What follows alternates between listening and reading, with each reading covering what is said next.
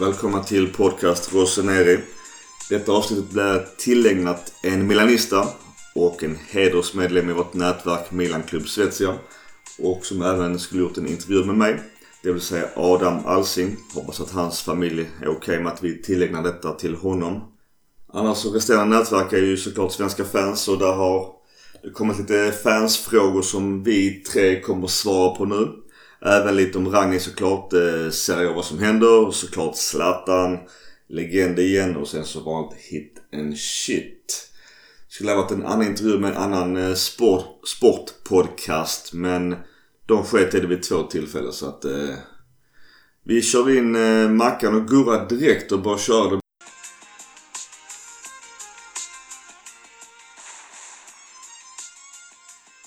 Så att jag blev sen. Som sagt, de hade en rolig kollega hade gjort en skattjakt. Plockat av dörrhandtaget i min dörr och sen så får det sätta en lapp. ja, jag har sprungit runt i hela jävla huset och letat efter lappar för Det är ju faktiskt lite roligt. Det enda som var fel med det var tajmingen. Hon får ju igen sen liksom. Ja, det hoppas jag. Du får berätta det i nästa avsnitt. Mackan, välkommen. Om man tackar. Gurra, välkommen. Tack så mycket. 20 grader i Lund så det känns ju lite bättre. Ja, gött. Så är det i södra Sverige. Varmt och skönt. Varmt och skönt. Eh, som jag sa, jag tänkte om vi börjar dagens schema med eh, min intervju eller samtal jag hade med Filip Wolin på Svenska fans. Och rätt så roliga frågor som jag svarade på. Och det är också ett sätt att eh, lyssnarna får kanske känna oss lite bättre. Så jag tänkte vi hoppar rätt in i de frågorna. Och... Eh... Så Micke, hur, när och varför började du följa och supporta AC Milan? Okej, men jag, jag har ju skrivit detta men jag kan läsa upp eh, kort. Det Eh, ska du ju inte säga. Nu tänkte jag göra en snygg... eh, Ja. Nu får du fan klippa lite. Jag får klippa bort det. Nej men i alla fall, min eh, far han höll ju på andra lag. Eh, och jag vet ju, jag i- hjärntvättar är min dotter. Så att eh, hon håller på Malmö och Milan såklart. Mm. Men min far gjorde inte det så att eh, anledningen till att jag började följa Milan det var under EM 88. Jag är så pass gammal så jag hann ju tack och lov se Marco van Bastens mål mot Sovjet i EM-finalen. Som alla bör YouTube-klippa och titta. Fantastiskt. Nej, helt magiskt. Kanske än idag ett av världens mest spektakulära mål med tanke på att det är någon EM-final. Ja, faktiskt. Och sen så har jag också skrivit här att eh, jag alltid tyckt att Milans eh, färgkombination på tröjor och shorts har varit så jävla snyggt. Och det tycker jag än idag. Och det, kanske färgat men skitkul färgat. Men eh, den är jävligt snygg tycker jag. Vita shorts, svart, röda ränder. Vad Det säger var du? Skåne som tog fram de vita shortsen, det vet du. Ja. Efter att ha lyssnat på en här- annan podd som vi inte behöver nämna vid namn för vi får inte betalt för att göra reklam för dem. Vilken podd är det? Where we were kings. Nej just det. Jag har jagat eh, Niva som fan. Vill ha lite som mellan raderna men Det var ett fantastiskt av- dubbelavsnitt om Milan. Men det är- Alla som det är en inte har podcast. lyssnat på det måste Ja. lyssna Alltså på det. alla avsnitt. Alla avsnitten jag, är bra men Jag- jag till- håller man på jag Milan är det ju extra roligt. jag uppskattade till och med att lyssna på dem Djurgården. Ja, till och med och jag då också är det något som är illa. Ja, ja. Men Mackan, varför började du supporta? Och när, hur, eller vad du vill Nu låter det som att jag kopierar dig. Men Vi jag är, också, jag är också så gammal så att eh, när jag började upptäcka fotboll så var det ju via, eh, alltså helt enkelt via EM och VM. För att så mycket annan fotboll gick inte att se på, hemma på vår gamla eh, tjock-tv. Stryktipset varje lördag. Stryktipset, ja, men av någon anledning så var inte engelsk fotboll så viktigt för mig. Jag hängde med, jag tyckte det var roligt med, med landslagsfotboll på den tiden. Och det målet som du säger, då börjar man fundera, vilket lag spelar den här killen Mm. i? Och så måste jag säga att pappa pratar alltid varmt om Grenoli. Som de första svenska utlandsproffsen. Och var spelar de? Jo, det vet vi ju alla. Och sen, så- jag kunde inte se, vi hade inte, vi hade inte kabel-tv förrän typ på sent 90-tal. Så jag kunde inte se några matcher. Så visst, man höll på Milan men man kunde inte följa det särskilt noggrant. Utan det var, om man hade tur så drog de något referat på Sportnytt eller Sportspegeln. Alltså du har inte sett Uno Cruz Duro? Men vi hade ju inte tröjan. Uff. Det var ju världens bästa program. Ja, jag har, jag har googlat och, och youtubat det lite grann men eh, inte sett så mycket av det i, i, i, när det gick på riktigt så att säga. Och sen eh, får jag säga att mitt intresse för fotboll utökades markant när jag började jobba på en sportbar Glorious. eh, här i Lund. Världens bästa pub. Och eh, Mm. fick ju möjlighet, det var ju på den då fanns det inte Unicross då, då gick det på TV1000 tror jag till och med att de gick matcherna på. Ja fan. Det var skitroligt när man jobbade på Sportball. TV1000 hade matchen klockan 9 till 10 till 11 på lördagskvällen. Vad hände klockan 12 om man hade glömt stänga av. Och för de då som är under 30 år. Det är sånt som man hittar på internet idag. Ja, vi fick fan vänta till klockan 12 och se tusen, natt. Man Förlåt, jag, Men då- då- jag, måste bara hoppa in. Förlåt, jag avbryter. Jag har en polare som då skulle se Tusen och en natt som hette då. Efter klockan 12. Och då kan man se de programmen i kodat. Man såg det så svart och vitt och blått och sådär. Och han blev så förbannad för att han kunde få... För ibland kan man få en bra bild fast den var blå och rosa typ. Och när inte han fick se den här blå rosa bilden så blev jag så förbannad så han slog sönder sin TV. så jävla sjukt. Bortskämda snorungar idag. Ja, de har så, Nej, de har det så lätt idag barnen. Dåligt utskrivna papper och ja. mm. Ja, för fan. Ja, fortsätt Mackan. Ja, nej men så då eh, fick man ju möjlighet att se matcherna mer även om man jobbar. Eh, så vissa dagar var man ledig och gick dit och tittade på det. Och någonstans där och det var, detta var sent 90-tal. Och då började ju faktiskt Milan på någon form av ny storhetsperiod med Shevchenko och Kaká kom in där. Och vi hade rätt många bra spelare på alla positioner under sent 90-tal tidigt. Eller ja, hela 2000. Fram till 2010-11 har du ju haft bra spelare. Mm. Jag håller med dig om att det är snygga färger men det är svårt att veta varför man tycker det. Eh, Gurra, samma fråga. När, var, hur, varför? Du vet, du har lön på Liverpool. Ja, men som jag sa innan, jag är sådär. Jag, jag har ett typ ett lag i varje liga. Sen så är de också rankade mellan varandra. Men, nej, men EM 88 och framförallt Schüllit blev min eh, stora favorit där. Alltså, han låg ju bakom allt offensivt. Van Basten gjorde snygga mål, men sagt Schüllits nickmål där är så imponerande. Men alltså den urkraften och som han dominerade det anfallsspelet, det, då blev han min favorit. Han spelade i Milan och sen så då... Sen, sen som Mackan var inne på, man såg ju inte så mycket fotboll liksom. Men när de visade då eh, Europacupfinalen 89 mot Stoja Bukarest. Där blev Milan ett av favoritlagen. Eh, För det första spelade ju Schüllit där. Sen var det det enda laget man kände igen. För Stoja Bukarest var ju helt okänt på den tiden. Och då blev det att man höll på Milan. Och sen den showen med 4-0. Det blev ganska givet. Ja, magiskt. Nästa fråga, hoppar, hoppar till det. Har du något specifikt minne under din tid som supporter du håller kärt? Och då har jag skrivit Shevchenkos eh, mål mot Juventus när han vänder upp och ner på en världsklass backlinje och drar ett bortre kryssmål mot Buffon. Det är det första jag kom att tänka på när jag väl fick frågan. Sen så sortera dessa minnena är ju jättesvårt med tanke på att Milan tidigare var världens bästa lag. Men eh, det är också, det jag skrev också att när man var, var runt 20 år och eh, varje söndags kvällsmatch var ju toppmatchen och då var ju nästan alltid Milan där. Och då var det ju mycket hatiskt för att alla de här jag hängde med där och då, fortfarande gör i och för sig, de har någon konstant höll ju på Inter. På grund av de här tyskarna som var lika dominerande under världsuppehållen när, när Holland var som bäst med våra tre holländare. Så att antingen blev man i runt, är man vad kan man säga, 82 till 77 så håller man nog antingen på Milan eller Inter på grund av antingen tyskarna eller holländarna. Men vi lite finare killar håller ju såklart då på Milan och holländarna. Och det är lite lustigt för jag har alltid gillat tysk, tysk, för tysk fotboll bättre Ja, än med. holländsk. inte, inte bättre men jag har gillat båda. Men det är ju annan typ av fotboll. Men Ja. det, är båda, båda är ju bra, verkligen. Mackan, vad säger du om den frågan? Jättejobbig fråga för det är som du säger. Många, många, många minnen. Jag tänkte du skulle eh, ta Kakas United. Kakas United-mål är en, en av höjdpunkterna. Men när jag läste ditt svar, eller när jag läste frågan. Så mitt första minne, så som bara så dök upp. Så dök upp Boatengs vändning när vi låg under med 3-0. Och han blir inbytt och gör ett hattrick. Det var helt fantastiskt. Ja, vad sjukt. Det, jag kommer ihåg det så tydligt för att jag jobbade. Hade nästan inga gäster eh, för det var en klock halv ett match en söndag. Milan lyckas vända 3-0 underläge till 4-3. Och jag kommer ihåg det extra mycket för att i slutet av matchen fick vi jättemånga gäster. Och det berodde på att det var Mans- Manchester eh, derby. Vad skrattar ni?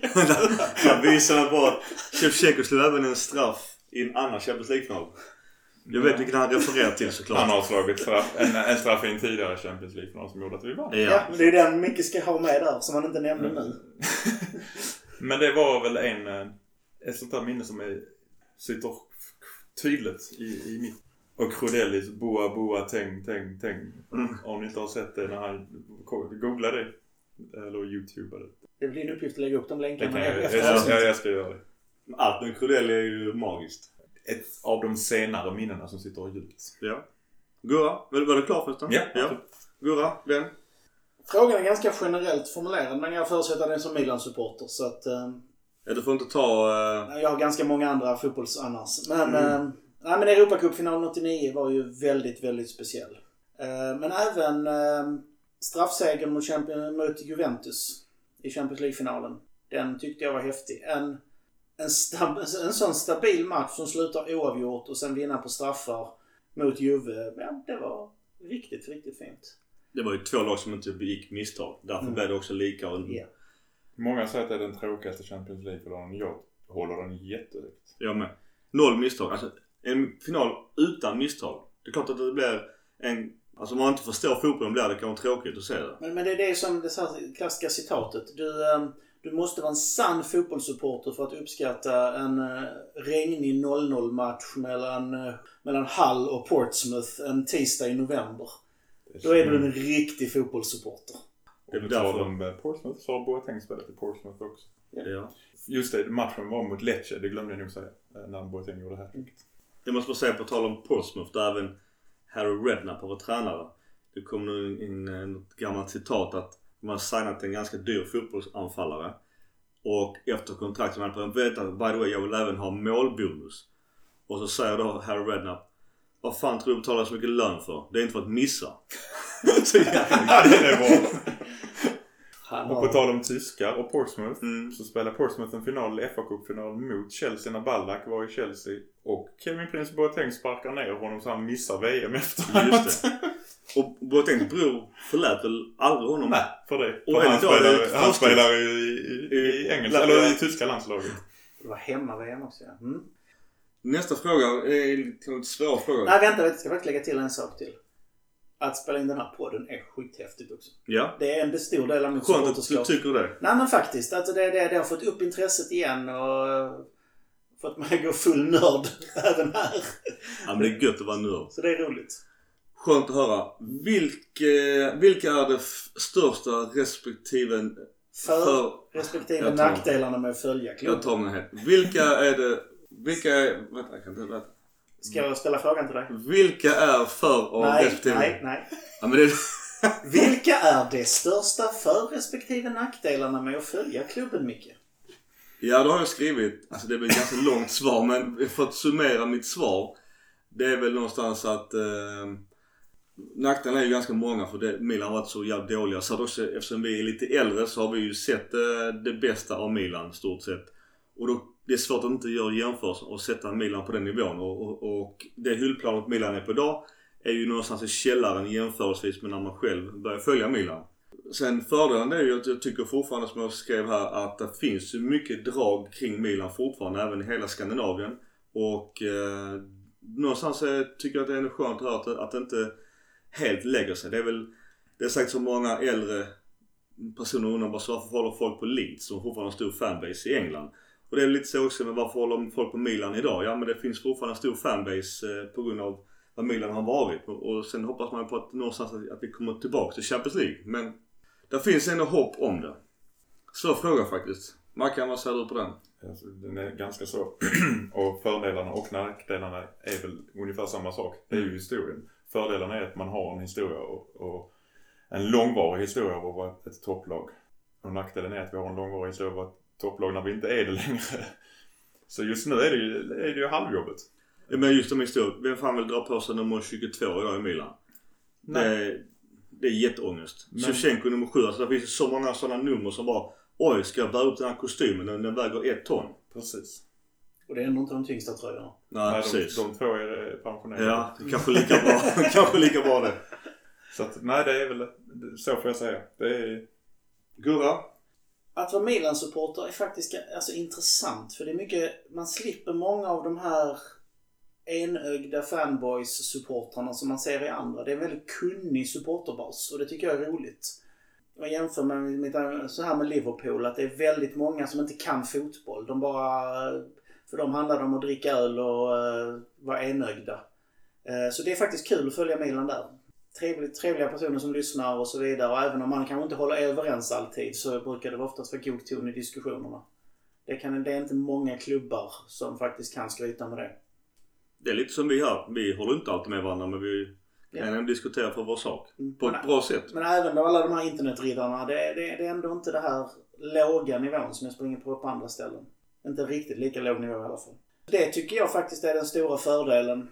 Eh, nackdelen är ju att det är en liten supporterbas eh, och att eh, man jobbar för någonting. Men eh, det är svårt att hitta nackdelar egentligen med att vara supporter och följa, följa en klubb man tycker om. Du tänker alltså lite supporterbas i Sverige?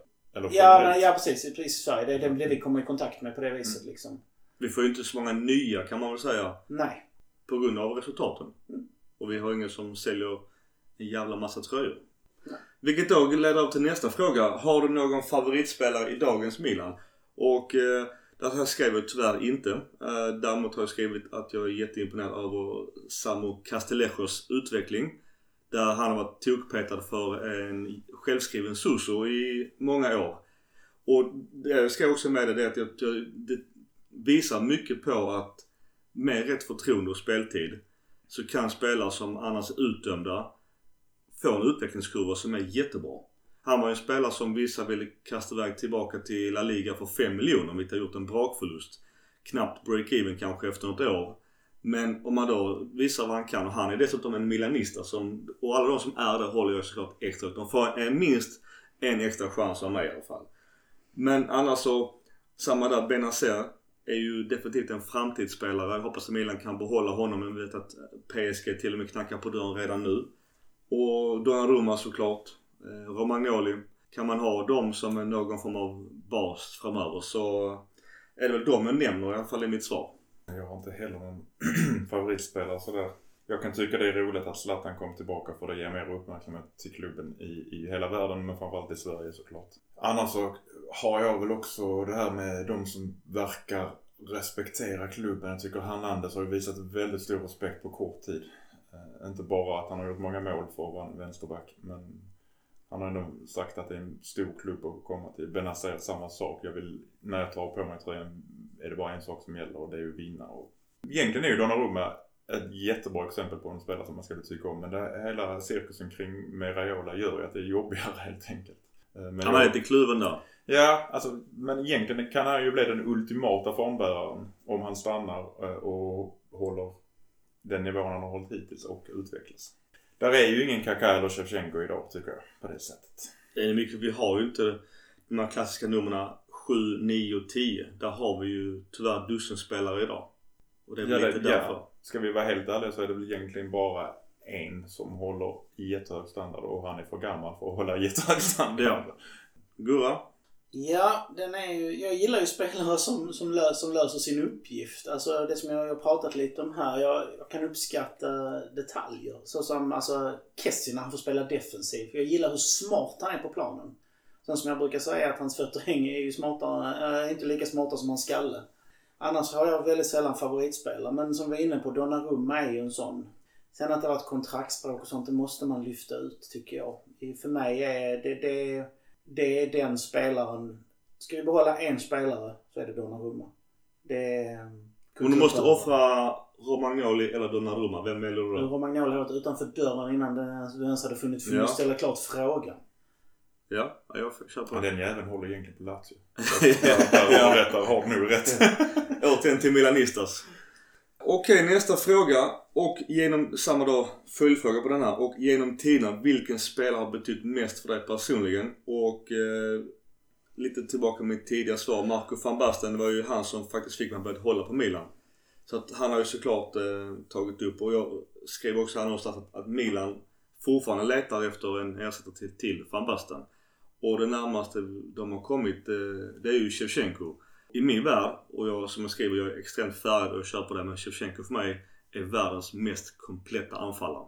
För att han var inte dålig på någonting. Han var inte bäst på någonting heller. Men han var världsklass på allt. Han var inte dålig på, alltså han var så jävla komplett.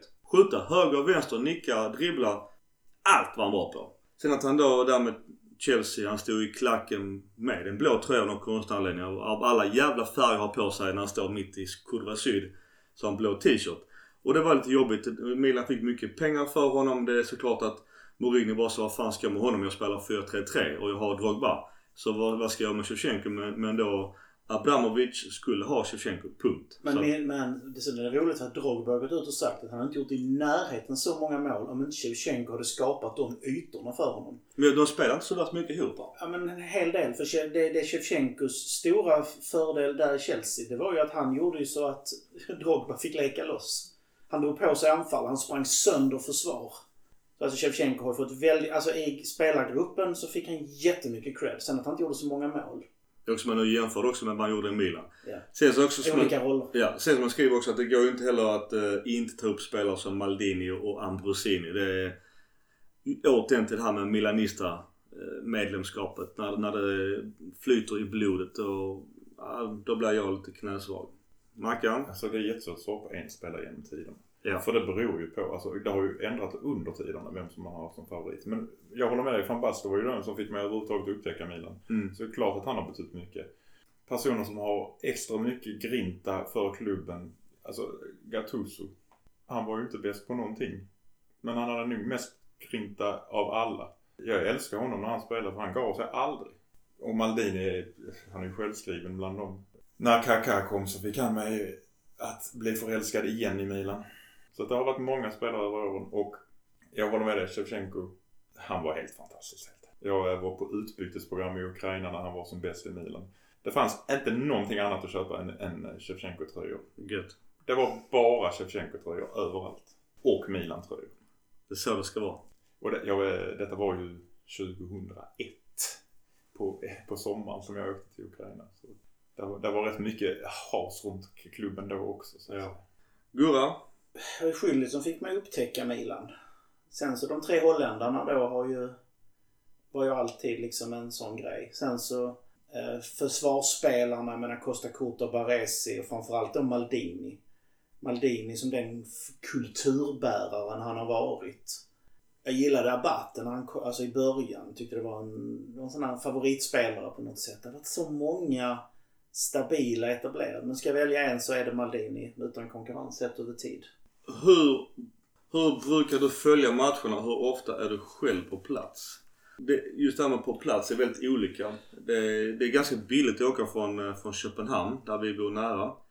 Och Milano säger då, ja alltså det, det är ganska lätt och löst men, men Sen har man varit i Milano och det låter ganska oskönt så men, men några gånger så det är inte så mycket nytt att upptäcka. Sist jag var där så var jag faktiskt mer uppe i Como och Comosjön. Men, men i alla matcher ser jag ju såklart eh, Oftast så ser jag hemma själv som en sur gubbe. Där jag vill ha tyst runt omkring mig. För att se på puben det gör jag för att jag ska vara social med vissa polare. Men eh, jag vet det finns alltid irritationsmoment på puben. Så att jag håller mig helst ifrån puben när Milan spelar för jag vill ha fullt fokus. Så är det på en pub så är det alltid stim. Och folk ska prata med en och liknande. Då tappar jag lite fokus på, på match. Så helst hemma. Och ofta på, alltså på plats. Det är väldigt olika. I fjol var det vad fan, tre, fyra gånger och sen kan det dröja något år innan jag är sådär. Så att det är lite olika. Jag är också så gammal gubbe. Helst hemma. Helst utan att någon annan är i närheten. Det För att man kan få sina utbrott om Ja, det är någonting. Sen kan jag tycka det är roligt att se med min son också för han uppskattar fotboll. Han tycker det är jätteroligt med fotboll. Och, Det är en del av uppfostran. så att, ja, så att det kan jag tycka är, är roligt. Förr såg jag my, just mycket på puben eftersom jag jobbar samtidigt. Och det var ju inte lätt att hålla fokus där heller. Men, och så när man pluggar och sånt så hade man ju inte råd att ha kanalerna. Så då gick man också på Eftersom jag jobbade extra på puben då, så sportbar. Så gick man ju dit och kunde Dricka billigt. dricka billigt också i matchen. Nackdelarna var ju när det gick för bra, då drack man gärna för mycket så då kom man inte ihåg de sista minuterna. och gick det dåligt så kom man inte ihåg någonting. Nej precis. Då drack man ännu mer. Men nej, så ska jag inte säga. Men eh, just nu hemma, gärna själv. Mm. Har varit på plats några gånger. Inte så många som jag vill. eh, Just på grund av att vi har jobbat där jag har jobbat. Och när det är fotbollssäsong så har det varit svårt att komma iväg helt enkelt. Gurra? Jag vill ju se det på TV. Det är, det är faktiskt om jag ska få ut mest av det. Sen kan det vara kul att vara på plats någon gång. Få uppleva stämningen och se vad det, det handlar om på något sätt. Men för mig är det speciellt att sitta och TVn kunna analysera. Jag blir oftast väldigt fokuserad. Jag har svårt att dras med. Jag har svårt och jag visar väldigt sällan glädje i mål. väldigt sällan besvikelse utan det är mer bara ah, okej, okay, vad hände där? Vad, hur ser det ut där? Varför, varför hände detta? Och så vidare och så vidare. På puben, ja, jag kan, kan se det på puben. Men eh, som Micke är inne på i sitt svar, jag stör mig på alla som sitter runt och tror att de kan någonting. Det Låter det arrogant va, men eh, framförallt när det kommer till regler och domslut och sånt där. Alltså, folk inte kan det men ändå ska de skrika och hålla på. Och det är det också som har varit lite jobbigt för mig i sociala sammanhang när man har sett det med kompisar. Att alla vrålar att uh, hur kan det vara straff? Och jag kan utan, utan tvekan sitta och säga men det är självklart det är straff mot oss. Han gör ju så och så. Det brukar inte vara så populärt ibland. Även om det är rätt så är det inte mm. populärt just då. När alla ska vara enögda och tycka, ja. tycka samma. Precis. Så att nej, gärna framför en TV i alla fall. Sen kan det vara gott att vara på puben och uh, käka något gott och titta kanske med någon, någon kompis och kunna prata och så. Men uh, annars är det hemma framför TV. Jag har varit på plats en gång. Det var med mig. Och det var med dig ja. Napoli. Napoli hemma. Napoli hemma. 0-0. Och den kommer vi på... Då kan jag ta en svar på din nästa fråga där också då ju. Men... Um, det var ju för att se stämningen, för att se spelarna. Coolt att se både Carlo Anc- alltså Ancelotti och uh, Shevchenko där. Uh, var då Shevchenko fick sitt uh, nummer inramat. Så att, uh, ja. Det är den gången jag har varit där. Det är kul att ha sett San Siro, kul att ha varit där. Det är inte så jag helst vill se fotboll, men jag åker gärna dit igen bara för att få känna på stämningen.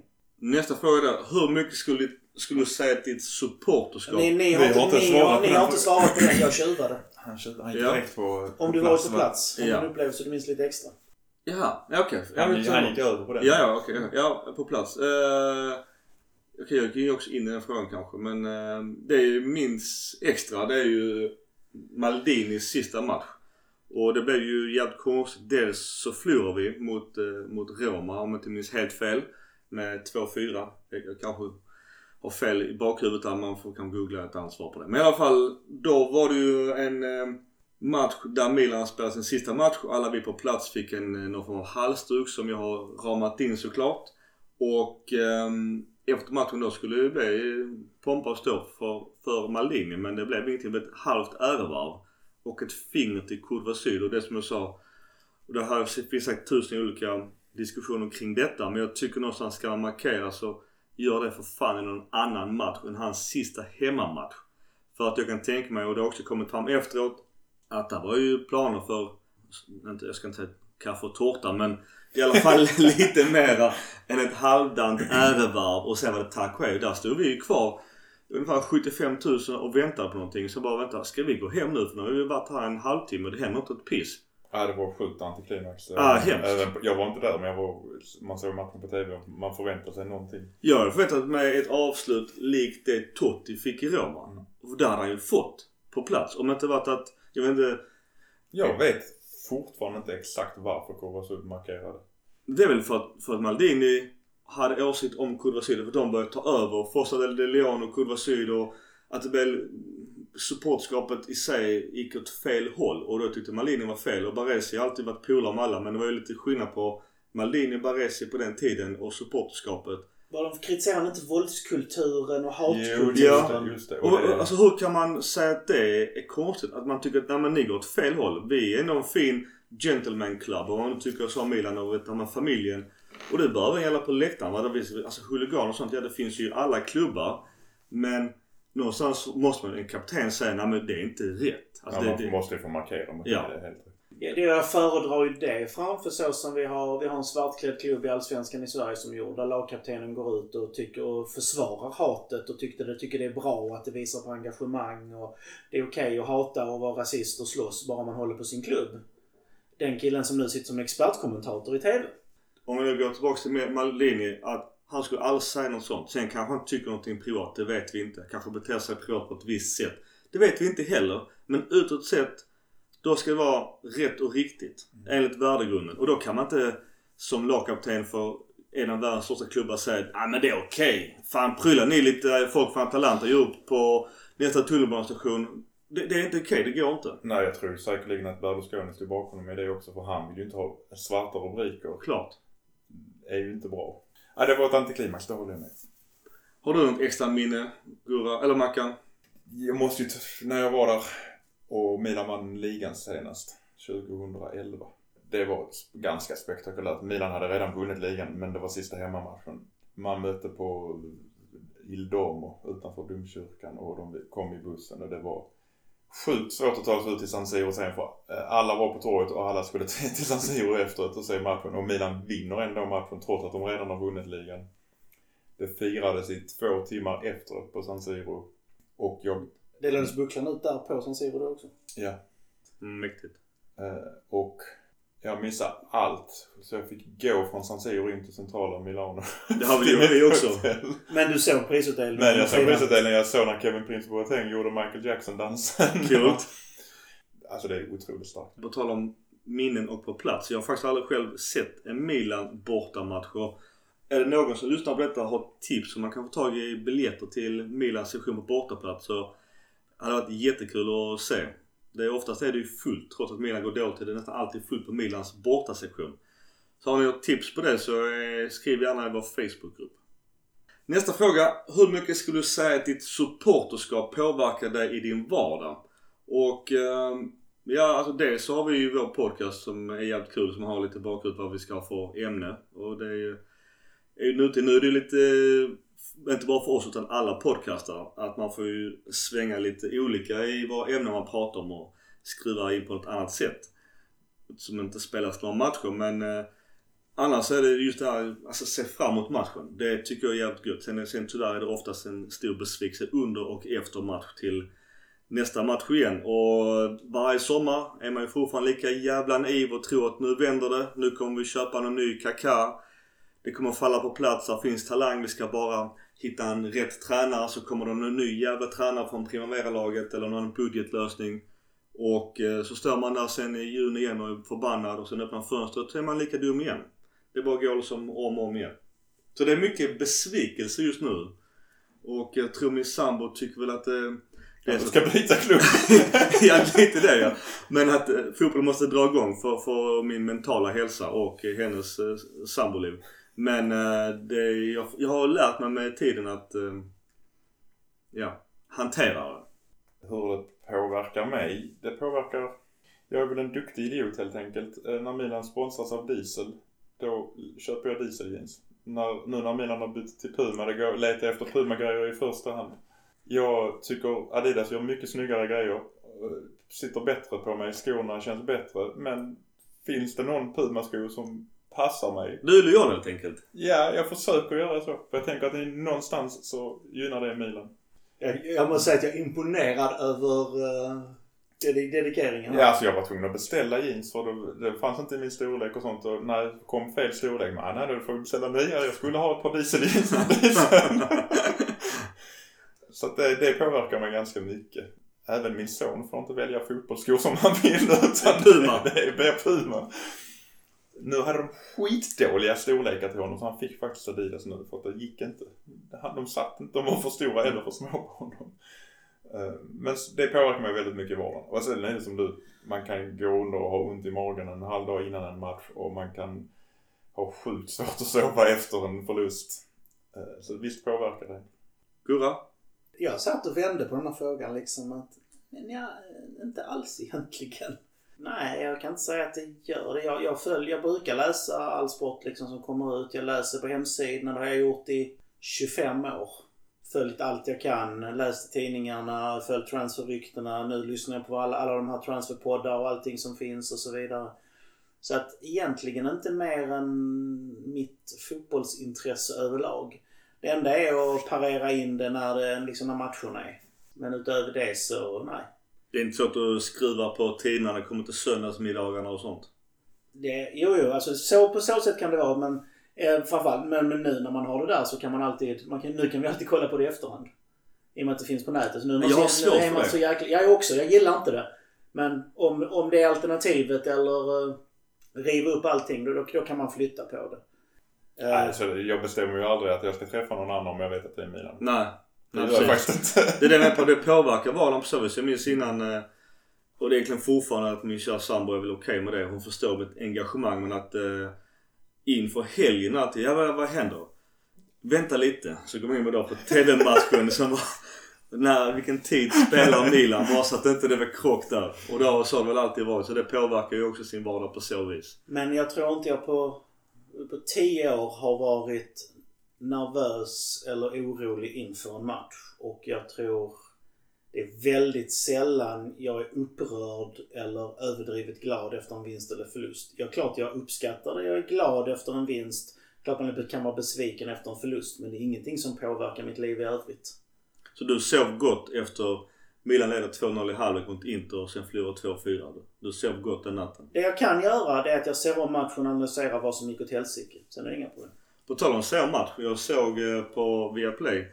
Jag tror det var, kan det ha varit 94 eller 95 när Milan möter Ajax.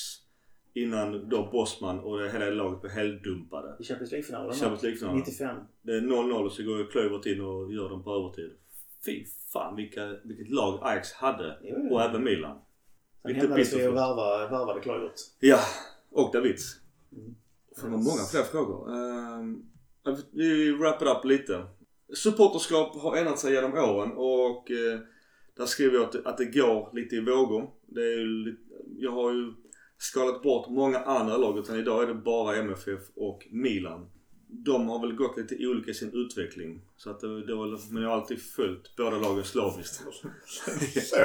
Ena går ner, ena går upp. Ja, lite så dålig... Det, det Det går var inte jämnt att vara en sån, men det, det är bara det att Mina är på väg dit. Ja, precis. Milan ligger lite så här känner jag. Så man vet aldrig riktigt Det vad det är ska nog ta schysst vägen. att vi gör gester. Ja. Vi får ha en videoblogg. Eh, Så, så det har väl... Engagemanget har ju alltid funnits där. Eh, Jag ser ju alla matcher för, men, men det blir ju färre lag. Jag, tyvärr så måste jag säga att mitt eh, supporterskap för svenska landslaget har blivit lite svagt. Utan jag nästan bara ser slaviskt slutspelsmatcherna när vi väl är där. Men en trött EM-kvalmatch mot Azerbajdzjan en torsdagkväll, det ser jag nog inte. Det har klart förändrats över tiden. När man blev pappa har man ju varit tvungen att skala bort en hel del grejer. Så man, jag just att jag jobbar på Sportbar gjorde att jag kunde se sjukt mycket fotboll. Sen att man inte kunde se det aktivt alltid för det var mycket att göra. Men jag följer ju inte Premier League alls på samma sätt som jag gjorde när jag jobbade där. Nu har jag ju bytt jobb. Mm.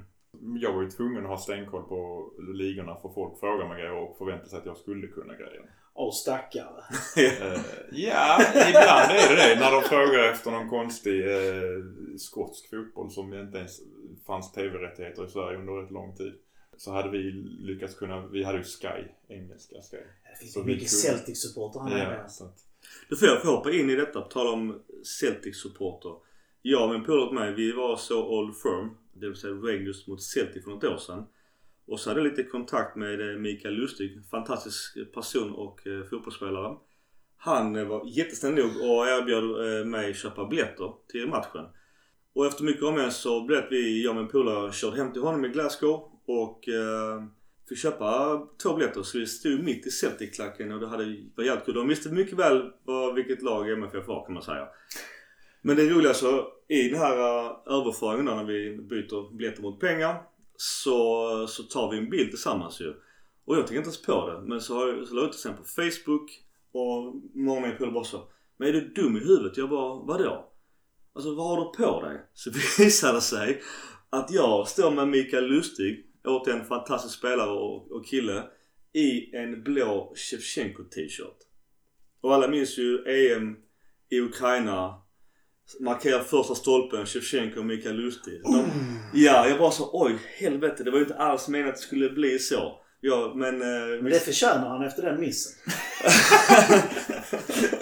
Som kostade oss avancemang. Inte för att Mikael Lustig hör detta men eh, jag hoppas om man nu gör det mot all förmodan så, så var det inget ont menat alls. Jag, jag lovar verkligen.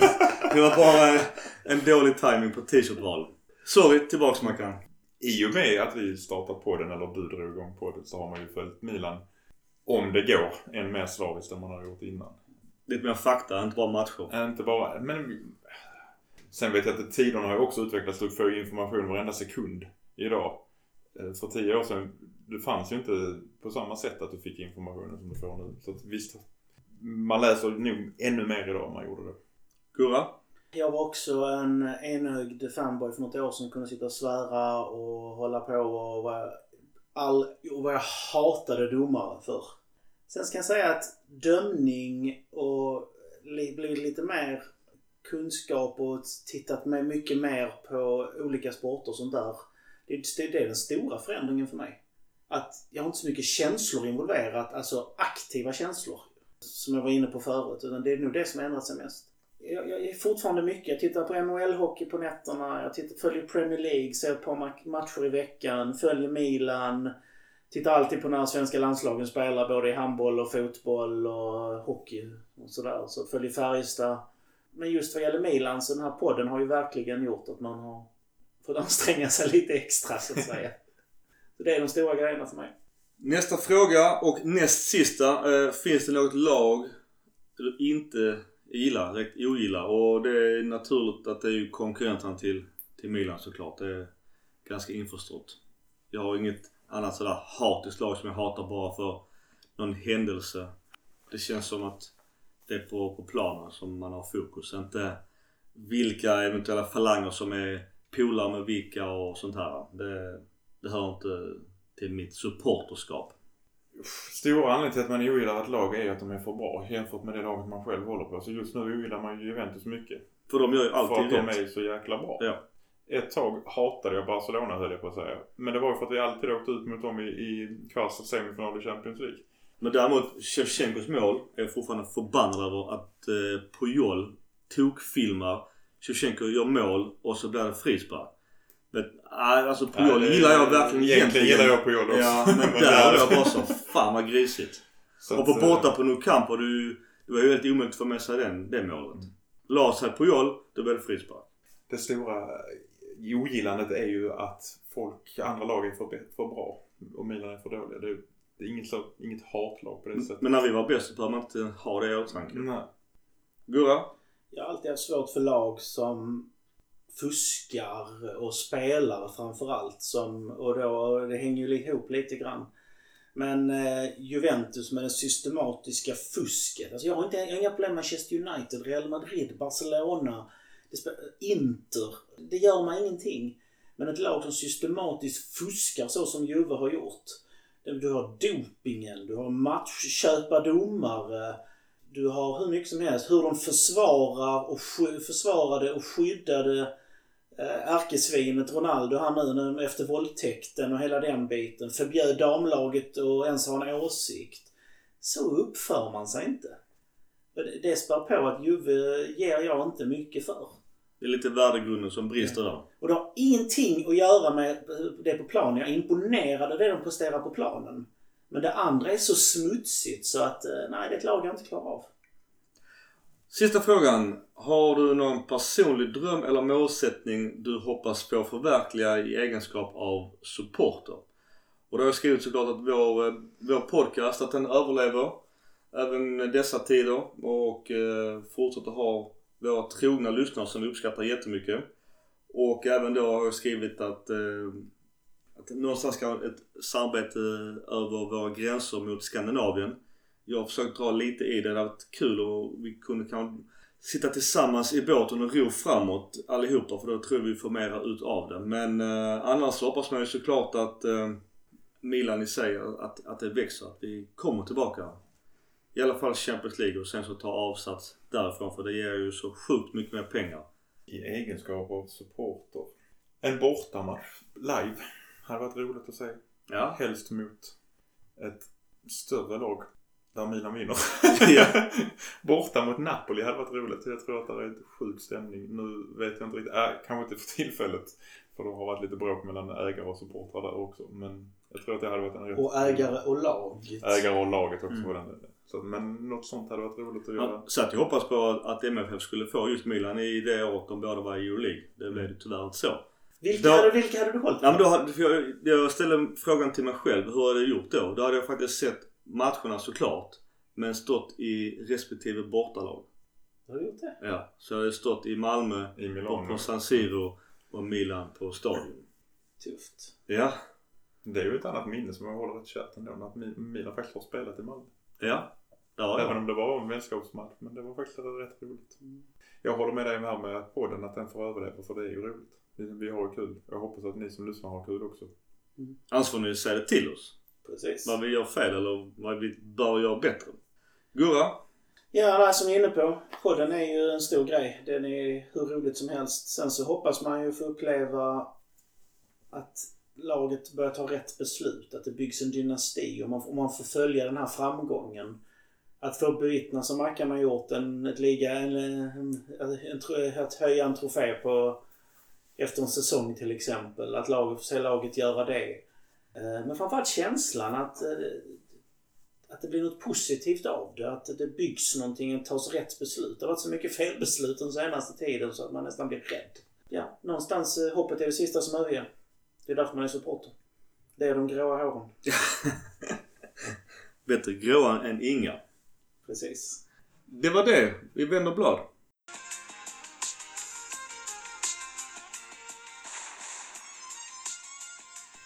Är så mycket rök på himlen att det är svårt att förneka men att eh, Ragnik då mycket tyder på att Gazidis eh, favorit kommer kanske till Milan och han verkar också ha fått då enligt då Deutsche Press så eh, har ju han fått lämna Red Bull-koncernen. Vilket tyder på att han är då ledig och vi slipper betala eventuella transfer för honom. Han har ju enligt då rykte så finns det ju lite krav från hans sida. Och det är ju mer krav än vi, vad vi hade i vår, vårt förra avsnitt när vi eh, laborerade med en framtida startelva med, eh, med pengar som vi fick. 50 miljoner euro plus eventuella försäljningar och jag tycker vi alla vi tre hade jävligt bra lag på det. Men Ragniks krav är att han då ska få fem år på sig. Och det har ju ingen fått sen, ja, fick ens Allegri fem år på sig, det är frågan. Men det är ju det är ju jättelång tid att bygga ett lag på fem år. Och det är väl någonstans okej okay, men tänk om man får fem år och inte levererar på fem år, vad fan händer då? Och sen tränarstab på 18 till 20 personer. Då frågan ska det vara, ska man byta ut allt och byta in hans nya. Och eh, mycket, helt annan taktik och ungefär 75 till 80 miljoner euro i transferbudget. Och det har varit en Arsenal-modellen att man ska ha unga spelare. Någonstans kring 22. Han har ett ganska imponerande facit när man tittar på vilka spelare han har lyckats eh, förädla i Red Bull-klubbarna. Framförallt Leipzig då kanske. Men vad man inte har sett är de spelarna som, han, som det inte har blivit någonting av. Eh, hur lång är den listan? Och vad har det kostat? Eh, rent, det kanske inte kostar så mycket i kostnad för att värva dem men det är ju löner som ska betalas för dem och så. Jag kan vara lite tveksam om de här stämmer. Fem år. Hur hade Marco och Jim Paolo klarat sig på fem år med de här kriterierna? Alltså med de medlen till hans. Han kanske hade gjort jättebra. Det är ju, svårt att säga om såklart. Jag är inte alls negativ egentligen till honom. Jag kan ha lite, lite det här med 22 år tycker jag är, Jag tycker det är en bra idé att bygga ungt men det måste finnas det måste finnas erfarenhet som vi har sagt i många, många år. För det har vi också redan provat, det här unga. Mm. Och då vet vi värvade Begovic, Kjär och Zlatan med inte hö- högre hårfäste men lite mera ålder i passet. För det funkade inte. Och nu ska vi göra exakt samma sak igen. Ja. Sen, sen vet vi egentligen allting som vi är inne på är ju rykten. Alltså det som jag säger att egentligen så har ju Milan aldrig inte sagt någonting. Sen, sen att det liksom, det läcks i Italien som jag skrev, som jag sa till er, det läcks ju mer i Italien än vad Estonia läckte liksom. Uff, den är tuff jämförelse. Visst är det, men alltså... Är, det, är den too soon? Fast det har gått 20 år? Det är ju 26 år. Okej, så pass. Så att, jag, fair jag, enough. jag, tror, jag tror det är över gränsen. Ja, okej, fair enough. Eller jag måste säga Titanic då. ja, okej. Ragnik har ett bra track record. Han har ju fått sin anställning avslutad och det, det kan ju vara en sån överenskommelse de har. Att han får gå utan ersättning, för att han ska skriva på för någon annan eller något sånt där. Det vet vi ju inte. Ital italienska medierna gör ju allting av ingenting. Och det är ju det som också får Maldinis kommentar att vara så oresonlig för att de har inte gått ut och sagt någonting. På det vi vet så är det ju Maldini som mest bara är grinig för att han känner sitt jobb hotat. Nu hoppas jag inte att det är så. Men Ragnik är en lagbyggare. Sen så tror jag ju inte att det går ju inte att bygga ett lag med en snittålder på 22 år. Det har ju aldrig någonsin funkat i hela fotbollshistorien. Du behöver blanda äldre med, med yngre. Men visst, det kan vara en målsättning att försöka få in yngre spelare och bygga en dynasti med dem i klubben. Absolut. Men man får inte vara rädd för att värva 25-plussare som kan bidra med någonting. Alltså jag tycker det går lite emot Elliots filosofi att förädla spelare och sälja. Om man ska bygga ungt Man ska ha femårshorisont. De, om de nu blir bra, ska vi sälja dem? Hur, hur blir resultatet i slutändan? Jag tycker det är mycket som inte går ihop här. Och det har varit sköna diskussioner på Svenska fans och jag kan uppfatta som åt den här sura gubben som jag egentligen också är. Men att eh, för det första är det rykten. Ingen vet egentligen. Det kan bli något helt annat. Helt plötsligt står Mark van Bommel där och gör någonting skitbra. För han har också varit lite sugen och hans namn nämns också. Kanske lägre. Vi får se. Till och med Shevchenko är även också namn som ploppar upp. Men de här som är inne på marknaden, de här spelarna som har kommit fram. Vissa är fantastiska. Men det är också, då, då, återigen, då är det ett lagbygge efter ganska mycket mindre press än vad det blir Milan. Alltså det här med att förvänta sig att han kör sin Dolce Culture i, i Serie A i Italien. Jag vet inte. Det kanske funkar jättebra. Det kanske går åt helvete. Vi, alltså, det är ingen som vet. Men folk tror någonstans ja men vi tar han i en helt ny miljö och det kommer att bli lika bra. Det, det är bara att se på en spelare från utlandet eller en bottenspelare i Serie A. Men han var skitbra som nummer 10 i det laget. Han gjorde 10 mål, 10 assist varje säsong. Sen går han till Milan. Vem fan är han? Alltså det, det är just det att vissa verkar tro att har en personlighet eller personer och spelare och tränare i en miljö. Flyttar person, exakt samma egenskaper till en annan miljö. Ingenting säger att det blir garanti. Det kan bli mycket bättre. Det kan bli mycket sämre. Alltså, jag bara menar på att det finns ingen riktig nykterhet i den här diskussionen med honom. Och som du säger, andra sidan myntet. Hur många spelare är no-names som inte blir ett piss? Och sen får man inte heller glömma att han har Red Bull i ryggen och de har rätt jävla mycket pengar som bara pumpar. Och sen är det att de, de dyngvärvar ju in till Salzburg. Sen så har Salzburg där och då en friväg in i Leipzig. Byggdes etappvis. Det är en jättesmart organisation hela Red Bull-biten. Ja, det är ju slipade människor på yttersta nivå. Ing, alltså, inget ont om det. Ja, det är ju lite, alltså det är ju lite som Manchester City också har gjort. Alltså de har systerklubbar där man lånar ut och fram och tillbaka med, i MLS och man kan komma runt eh, Uefas fair play-regler genom att eh, en MLS-klubb köper spelarna och lånar ut den gratis. Ja. Men där har vi ju, jag har inte siffrorna på City, men jag tror Chelsea för två år sedan hade 38 utlånade spelare eller något sånt. Jag tror Uefa har väl dratt, har väl äh, dragit åt svångremmen hur många spelare man får ha utlånade. Mm. För nästa Chelsea säsong. byggde ju, gjorde det som en ekonomisk grej. Mm. Köpte billigt, lät dem utvecklas i klubbar och sen sålde de det. Så det innebär att för dem var det bara att de bara satt på dem under utvecklingstiden och sen kunde de få, få pengar. Antingen ta upp dem i A-laget och hade de superspelare. Var det inte Udinese också som hade Udinese är ju, ja verkligen. Och just på tal om, om Maldinis kommentar där. Jag förstår inte riktigt varför det blev så upprört. hade, hade klubben tyckt att det var illa så hade vi nog fått reda på det redan kan jag säga det. För att ah, vad som hände med Bobban, det fick vi reda på rätt så snabbt. Oh ja. Så jag tror att han hade klubben bakom sig det uttalandet. Och dessutom på tal om Rangnick. Är det rätt tillfälle på grund av vad som har hänt i världen? Har han tillräckligt mycket tid på sig? Eller ska vi bara helt enkelt redan räkna bort nästa säsong? Jag sa också från början innan för den här säsongen. Nu har vi en ny tränare och nytt spelsystem som var det i var knappt en match. Men ta en mellansäsong. Jag är beredd på att vi hade så pass ungt lag i början och jag tycker att det var, jag säger fortfarande det var rätt. Alltså utifrån vad vi sa dessförinnan. Sen Farstan, jag lät som fan om efterklok. Men ny tränare med den filosofin, den spelarna. Sen, ah det fanns ingen AMC. Ja men Hakan är en fucking AMC. In och visa att du är det. Det pratas mycket om Suso.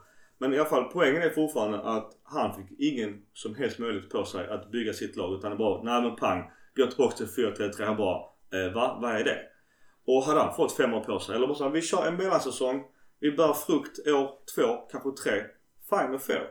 För det är det nu Rang säger. Ja, detta här. Ni får ha mellansäsonger, vi bär frukt. Kanske till och med år fyra och fem. Och alla bara så, helt okej. inga problem. Jag tror faktiskt vi ska nog lägga mer skuld än vad de har fått. Både på Bobban och Maldini där med att han tvingades byta spelsystem. Det tror jag absolut. Jag tror de är rakt av inblandade i det. Det tror jag också. Och det Just för att de ville ha Suso med i spelet mer. Trots att han inte gjort någonting på nästan en säsong.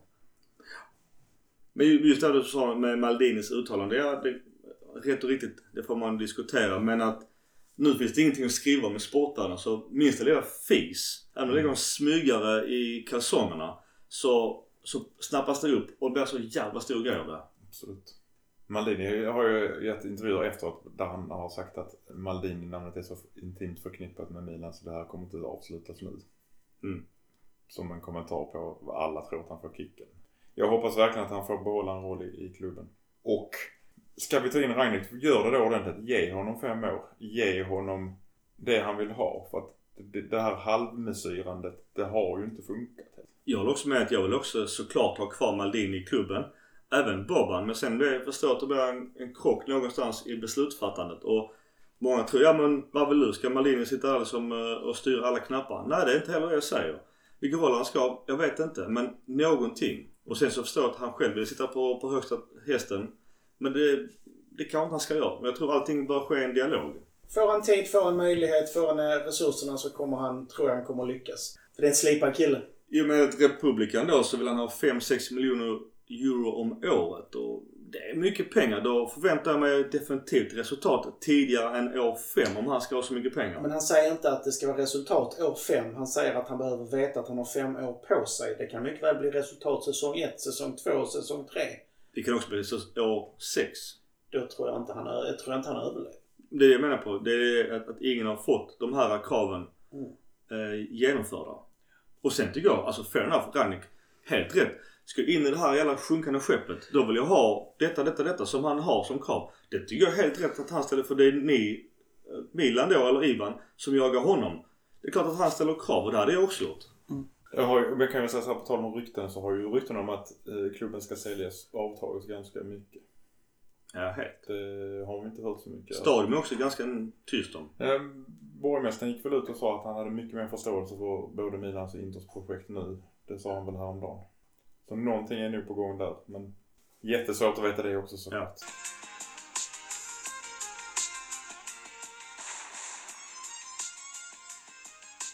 Det är ju snack om att Serie A ska köra igång igen eller att det, det blir ju jävligt pressat.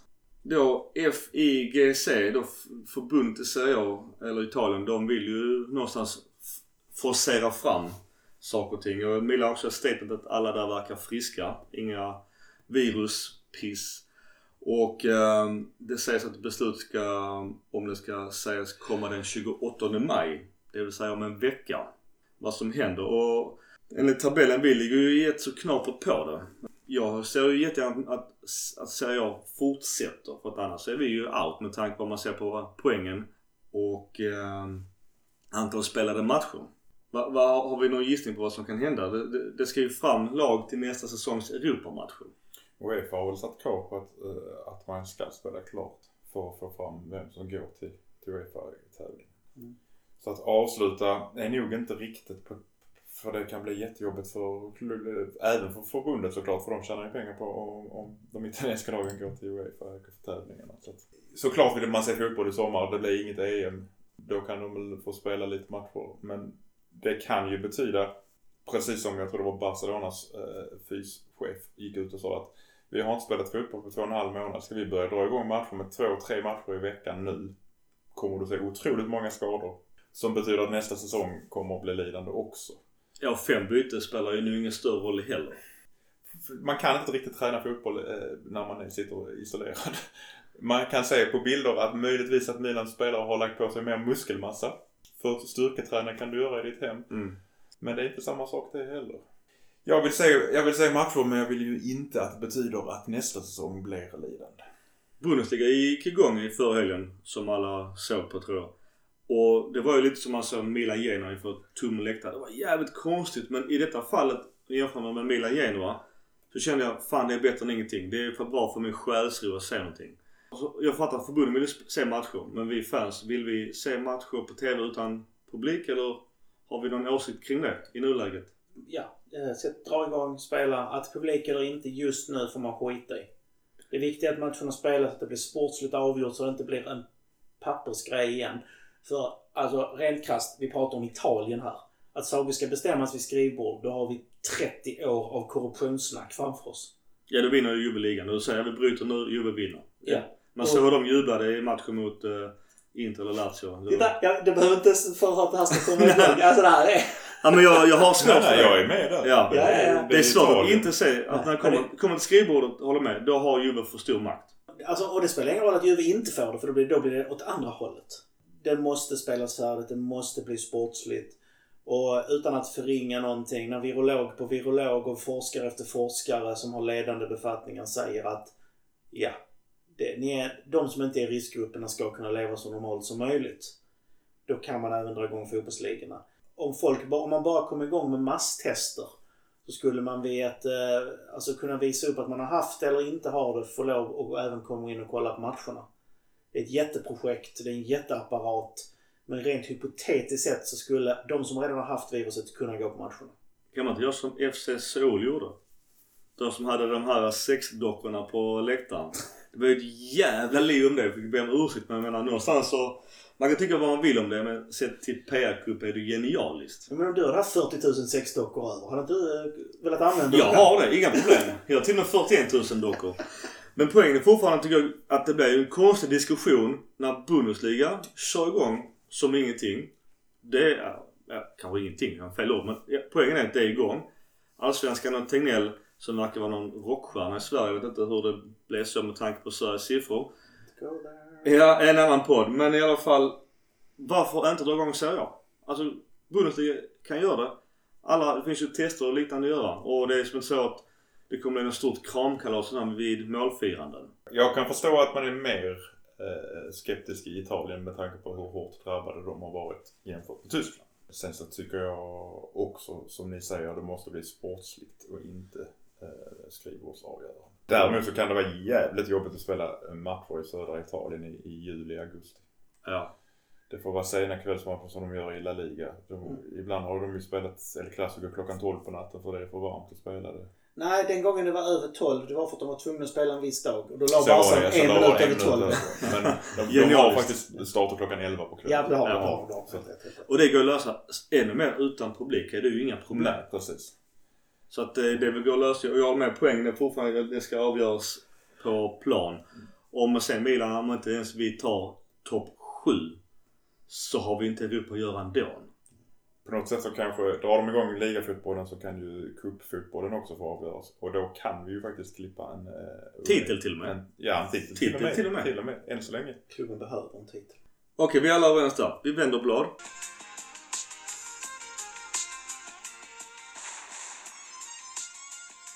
Lite Zlatan-snack såklart med tanke på eh, all kommers kring honom och jag förstår att eh, Hammarby hoppas på honom, det förstår jag. MFF-arna tycker han är väl si och sådär såklart. Men vad tycker vi i Milan? Vill vi ha kvar honom? Allting är beroende på vad som händer med tränare och byter vi ägare, vad händer, vilka satsningar görs. Som i dagsläget säger jag ja med tanke på vilket impact han hade när han kom. Han är dum i huvudet om han inte avslutar sin karriär i Hammarby. Ekonomiskt dum i huvudet. För att vilket uppsving det hade varit för Hammarby ekonomiskt. Men för han. Så gör han inte det, och indirekt blir det ju för honom eftersom han äger 25%. Zlatan har aldrig gjort någonting för någon annan. Nej, men det är det jag menar. Alltså gör han inte det så, så har han väl så mycket pengar så att han inte bryr sig. Men om, om hans, hans värde på Hammarby-aktierna kommer ens påverka hans sammanlagda värde ändå? I, på bankpapper och annat. Alltså kommer han märka av den lilla eventuella höjningen procentuellt för stunden i Hammarby? Han behöver ju inte tjäna mer pengar. Han spelar nog inte fotboll för att tjäna pengar just nu. Nej. Nej, men det finns två anledningar. Det ena är ju att höja värdet på Hammarby för hans grabbar och allt sånt där. Och det andra är för att rent för att äntligen få sin hämnd på MFF som han alltid har gått och tjatat om att han, att han kände sig så sviken och bedragen av. Och där och, finns, och, ja, och nu med här med statyn. Man får säga vad man vill om det. Men det var ganska kass placering och tid och illa val. Och Zlatan har gjort bort sig. Det kommer vi inte ifrån med de uttalanden han har gjort. Men jag tror han väntar på tillfället att ge tillbaka. just med statyn eh, kan man tycka att det var ganska okej placering innan han outade och han stod där. Jag var till och med på plats själv eh, och så Zlatan och statyn i MFF. Eh, och allting var helt okej. Allting var bra fortfarande. Det finns ju många klipp hur mycket han bedyrar sin kärlek för MFF genom tiden dessförinnan. Och sen statyn, klart att det blev konstigt men han har också själv lite bäddat för det med alla sina uttalanden. Och eh, någonstans så visste han vad som, vad som skulle hända faktiskt. Så att det blev jävligt konstigt. Men sen någonstans också hans sammanlagda värde. Alltså det, det, jag tror det påverkar så lite hans stora förmögenhet kring eh, vad Harby, vad det för stunden genererar. Sen också just det, han blev ju blåst av, eller många vill tro att han blev blåst. Det kanske blev för Helsingborg jobbade för MFF. Zlatan hade ingen agent. Han fick ju en lön som var så 4-5 gånger högre i Ajax, äh, än i MFF i Ajax. Sen också någonstans så har ju hänt mycket i MFF. Mycket personligt utbytta. Och i den här matchen vi pratade om när Milan och Malmö möttes på, på Stadion så fick ju någonstans under den här perioden Zlatan 2 miljoner rakt av i fickan av MFF. Någonstans som plåster på såren för att inte han fick en ordentlig signing on i övergången till, till Ajax. Och det är ingen som pratar om det. Zlatan säger själv, de som vet, de vet. Ja men de som vet också vet faktiskt att Zlatan har fått en kompensation av MFF när Malmö inte riktigt hade de pengarna egentligen. Men för att ha en goodwill med Zlatan. Och då har egentligen haft ända sen tidigare gubbar i MFF lämnade. Nu med Danne Andersson, tidigare ordföranden, VDn som tyvärr gick bort. Alltså de har haft en jättegod relation med Zlatan. Och detta vet Zlatan själv så därför blir det vara så, okej okay, vad har hänt egentligen med Hammarby? Men det, det kommer vi nog aldrig få veta men det finns två sidor av det myntet. Och jag förstår att alla som älskar Zlatan, vilket jag också gör utifrån hans roll i MFF ja, och Milan. Men det, där finns två sidor. Många, många litar blind på Zlatan och, och vad han säger. Det, det, där finns två sidor. Malmö har själv valt att men vi, vi var inte delaktiga då. Och vi vill inte heller komma in i någon pajkastning. Hans intervju som jag gjorde i, i Stockholm sist. Vet, där, är, där är många grejer som, återigen, internet glömmer inte. Som han har sagt tidigare om MFF. Det går inte ihop alltså. Det, det känns som en ren spite mot MFF. Och Ja, jag förstår att han var sur där. Men han har blivit kompenserad och långsintheten. Det jag tror handlar bara om statyn. Han trodde att den skulle stå där oavsett vad, vad som skulle hända. Och det, så blev det inte. Därför svaret har du laddat inför. Det finns mycket att säga om det men eh, jag, jag väljer att hålla igen lite för att det, det blir ganska enögt på tal om det. Men om vill du att han stannar i Milan? Jag vill att han stannar i Milan. Alltså jag älskar Zlatan i Milan-kläder. Och det jag känner, och som jag sagt innan, att ja, alltså, alltså, vi borde ha en bättre anfallare där och en yngre anfallare. Han, han höjer laget, han är en bra backup och allting. Men han är 38 år. Vi borde ha någon bättre. I brist på annat, absolut en bra mentor till Leao och så vidare. Men, men som det ser laget ser ut nu ska Leao vara etta nästa år. Om en av mellannivå, Leao. Punkt. Sen tror jag också att Leao kan lära sig sjukt mycket om, om Zlatan får vara med. Och jag vill ju se Zlatan i Milan. Både som spelare och därefter även som någon form av roll i Milan och hans egenskaper. För att han höjer en, en trupp. Det är lite som man alla har sett The Last Dance och Michael Jordan. Alltså den mentaliteten är nog lite också vad Zlatan har. Man måste ju ha en vinnarmentalitet speciellt om vi ska börja satsa på en massa ungdomar som aldrig har vunnit någonting. Och som förmodligen då, de kommer ju inte få Ragnek ger väl inte jättehöga löner men de kommer ju fortfarande få väldigt mycket pengar för att vara 20 år gamla. Du kanske tycker du har lyckats innan du har vunnit någonting då? Ja. Lugn och Zlatan.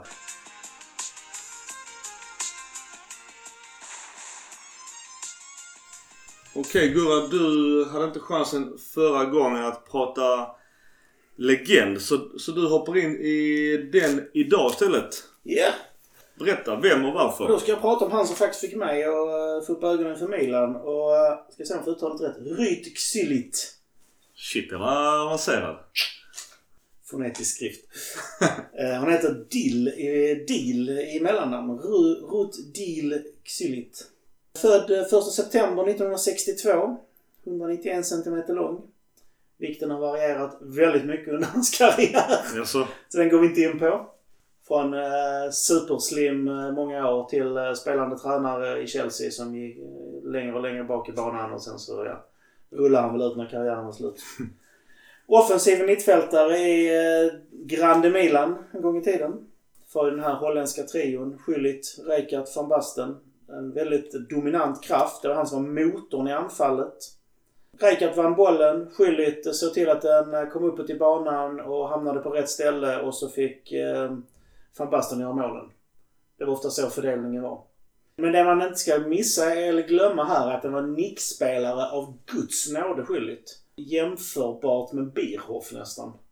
Han har alltså, han har sån kraft och styrka i sina nickar.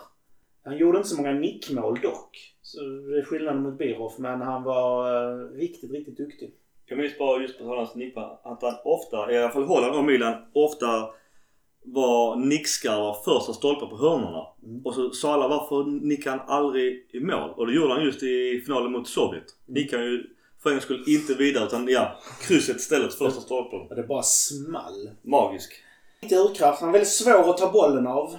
Och han var en riktig kuf. Alltså han lite obekväm i sociala sammanhang och höll sig mycket på sitt och hade lite udda liksom så här men eh, som många av de här genierna så var han väldigt speciell.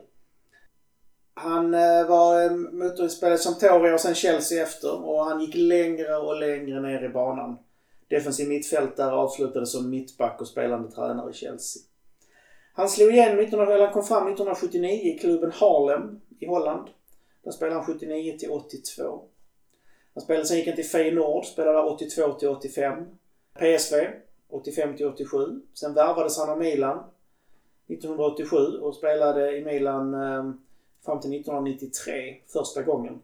Sen så var han i Sampdoria 93-94 innan han kom tillbaka till, till Milan igen under den säsongen. Spelade match. Så gjorde han 125 matcher för Milan och gjorde 38 mål. 95 till 98 så eh, spelade han i Chelsea. Eh, som jag sa innan, en väldigt udda kille men han kunde aldrig hålla tyst. Hamnade ofta i diskussioner med tränare. Det är som många av de här kalvinisterna, de säger vad de tycker alltid oavsett. Det är ju en del av deras religion och kultur. Så att, eh, vilket har genomsyrat ganska många andra holländska fotbollsspelare. Rijkaard var ju likadan. Vi har ju en Robin van Persie till exempel och så vidare och så vidare. Det är lite också därför de har varit problem inom holländska landslaget. Ja, ja, ja. Alla säger vad de tycker hela tiden. Ja. Det kan aldrig vara bra. Nej, nej. Men skulle jag säga vad jag tycker om Micke var hela tiden. Oh, då får vi klippa mycket. Då blir det mycket klippande. ja, ja. Jag sitter här och himlar med ögonen istället och ser uppgiven ut. ja, precis. Mycket facepalm. Eh, Han avslutade karriären i Chelsea. eh, Där han då var spelare, de två eh, tränare, de spelande tränare de två sista åren. 1998. Sen fick han sparken där och gick han till Newcastle. Och var tränare i Newcastle 98-99. Sen så hade han eh, lite uppehåll och sen så tog han över som tränare i Feyenoord 04-05. Hade något års vila och sen var han tränare i eh, LA Galaxy 07-08. Sen hade han några års uppehåll och sen så var han tränare för Terek Grozny säsongen 2011. Det låter som en toppklubb. Det är en riktig toppklubb i den... Eh, vad blir det? Grozny? Oh. Ja, före detta Sovjetrepublikens... Georgien. Georgien ja. Ja. I Georgiens toppliga. Där, då har man ju nått en eh, status på karriären. Mm. Han spelade i landslaget mellan 1985 och 1994. Han spelade 66 matcher och gjorde 17 mål. Han har ett eh, ganska hyggligt eh, troféskåp också. Han vann Serie A 1988, 1992 och 1993. Han vann Supercoppa Italia 1988, 1992 och 1994. Vann Champions League Europacupen 89 och 90. Uefa Supercup 89 och 90. Det ska man säga att Milan var i final de här åren också. Stort sett. Alltid. Ja, Och han vann klubb-VM 89 och 90. Och så vann han då EM-guld 1988. Och eh, det han själv säger är hans största titel är EM-guldet 1988. Det laget var ju helt sjukt. Ja, det var... Och det, deras tröjor var så jävla coola. Mm. Jag har ju en replikatröja från holländska landslaget det året. Med van Basten på ryggen. Magiskt orange. Såhär så här vit-orange med Ja. svarta inlägg i. Ja, den Jag ser var, den framför mig. ja, den är riktigt cool. Och inget namn på ryggen. Jag hade namn. Du hade namn, Men det var ju, när de var spelade falsk. Var ju, ja, var ju falsk såklart. Mm. De har riktiga tröjorna. På den tiden spelade man utan namn på ryggen utan då var det bara nummer. Namnen kom väl därefter någon gång tror jag. Ja, jag tror det.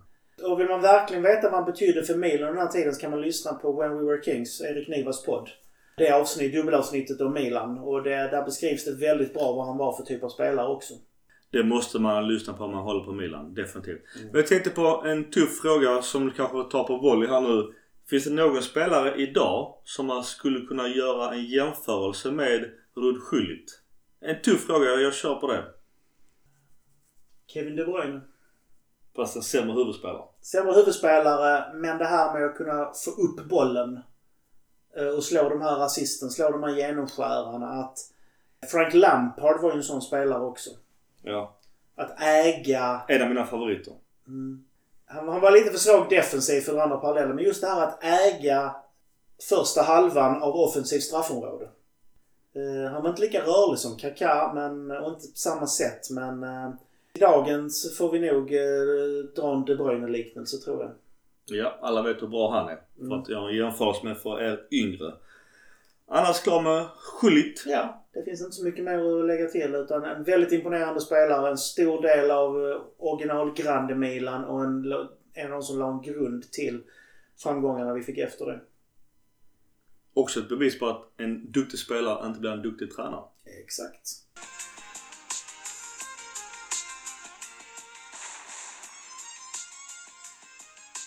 Annars ryktesväg är det inte så jävla mycket att säga. Massor att säga men det är inget konkret. Men däremot så finns det ju någon form av, eh, är det officiellt kanske, Men att Luka Kilian eller Kilian eller Kilian, tysk mittback som är född 99, att han verkar vara klar från eh, Paderborn. Det är ju en uh, tysk uh, U21-landslagsspelare. Det är ju inte en spelare vi behöver för att nå resultat nu. Det är en spelare vi behöver för att nå resultat om fem år kanske.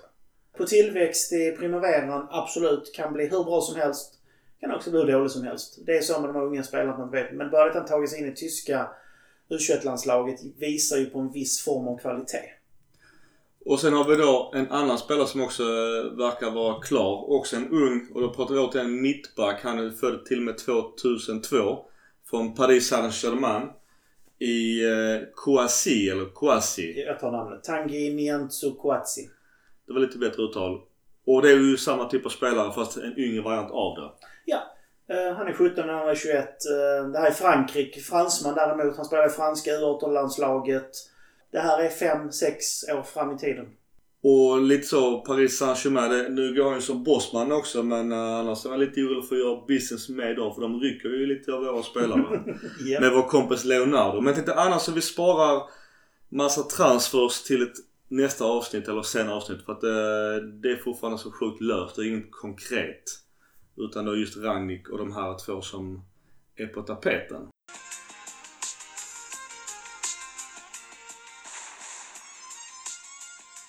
Okej, sista delen. Hit and shit. Eh, och jag börjar med eh, shiten shitten och det är väl att eh, en gammal favorit till mig i Locatelli, vår gamla Primavera-spelare. Att Juventus jagar honom.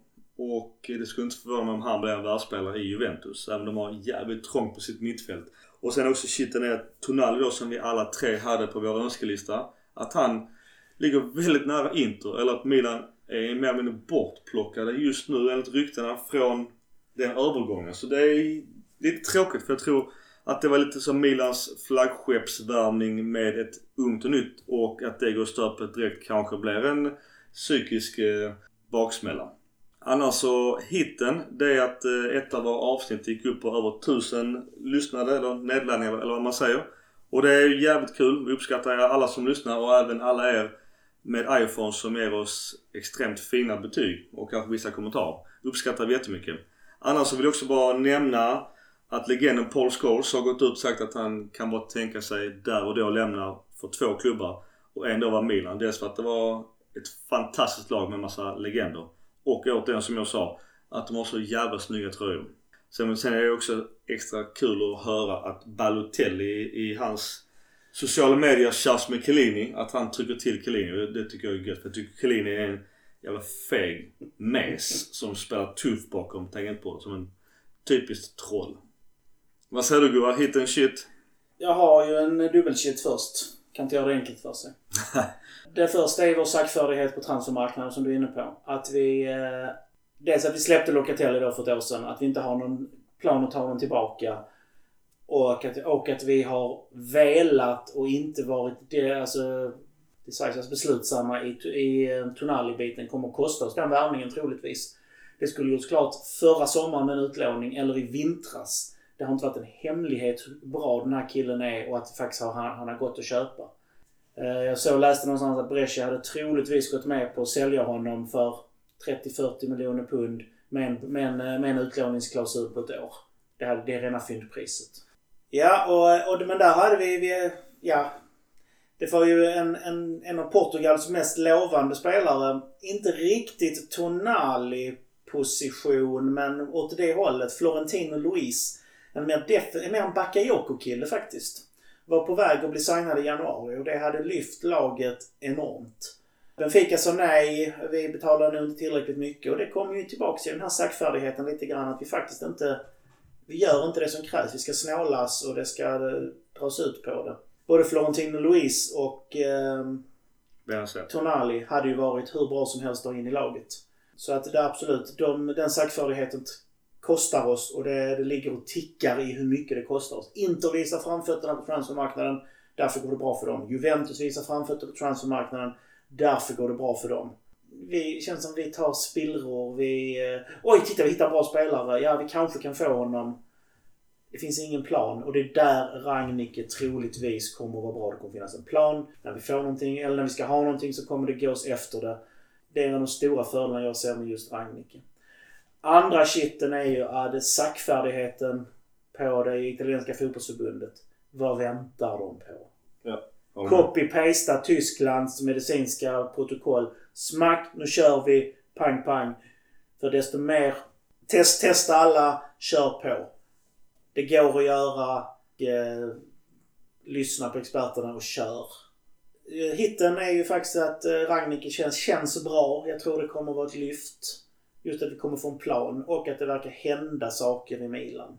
Det finns inget värre än att hålla på en klubb där det bara är tyst, allting står stilla och det händer ingenting. Jag tar hellre tusen falska rykten än ingenting. Fundera på den är jättejobbig. Hit and shit. Kör du både din hit och shit Mackan? Ja, jag har jättesvårt att hitta någon hit och shit när det inte är någon fotboll. Hitten får väl då vara att eh, det är- eventuellt närmar sig att det blir fotboll. Bundesliga har dragit igång och det verkar inte vara helt omöjligt i Italien heller. Shitten, det är ju den här osäkerheten kring klubben. Där vi inte vet vad som händer, det går rykten. Hade vi haft Berlusconi som ägare fortfarande så förstår jag var ryktena kommer för han sa att all publicitet var bra publicitet. Men just nu känns det mer som att det skadar klubben och den stabilitet som vi inte har. Så det är väl shit. Forza Milan. Forza Milan. Forza Milan.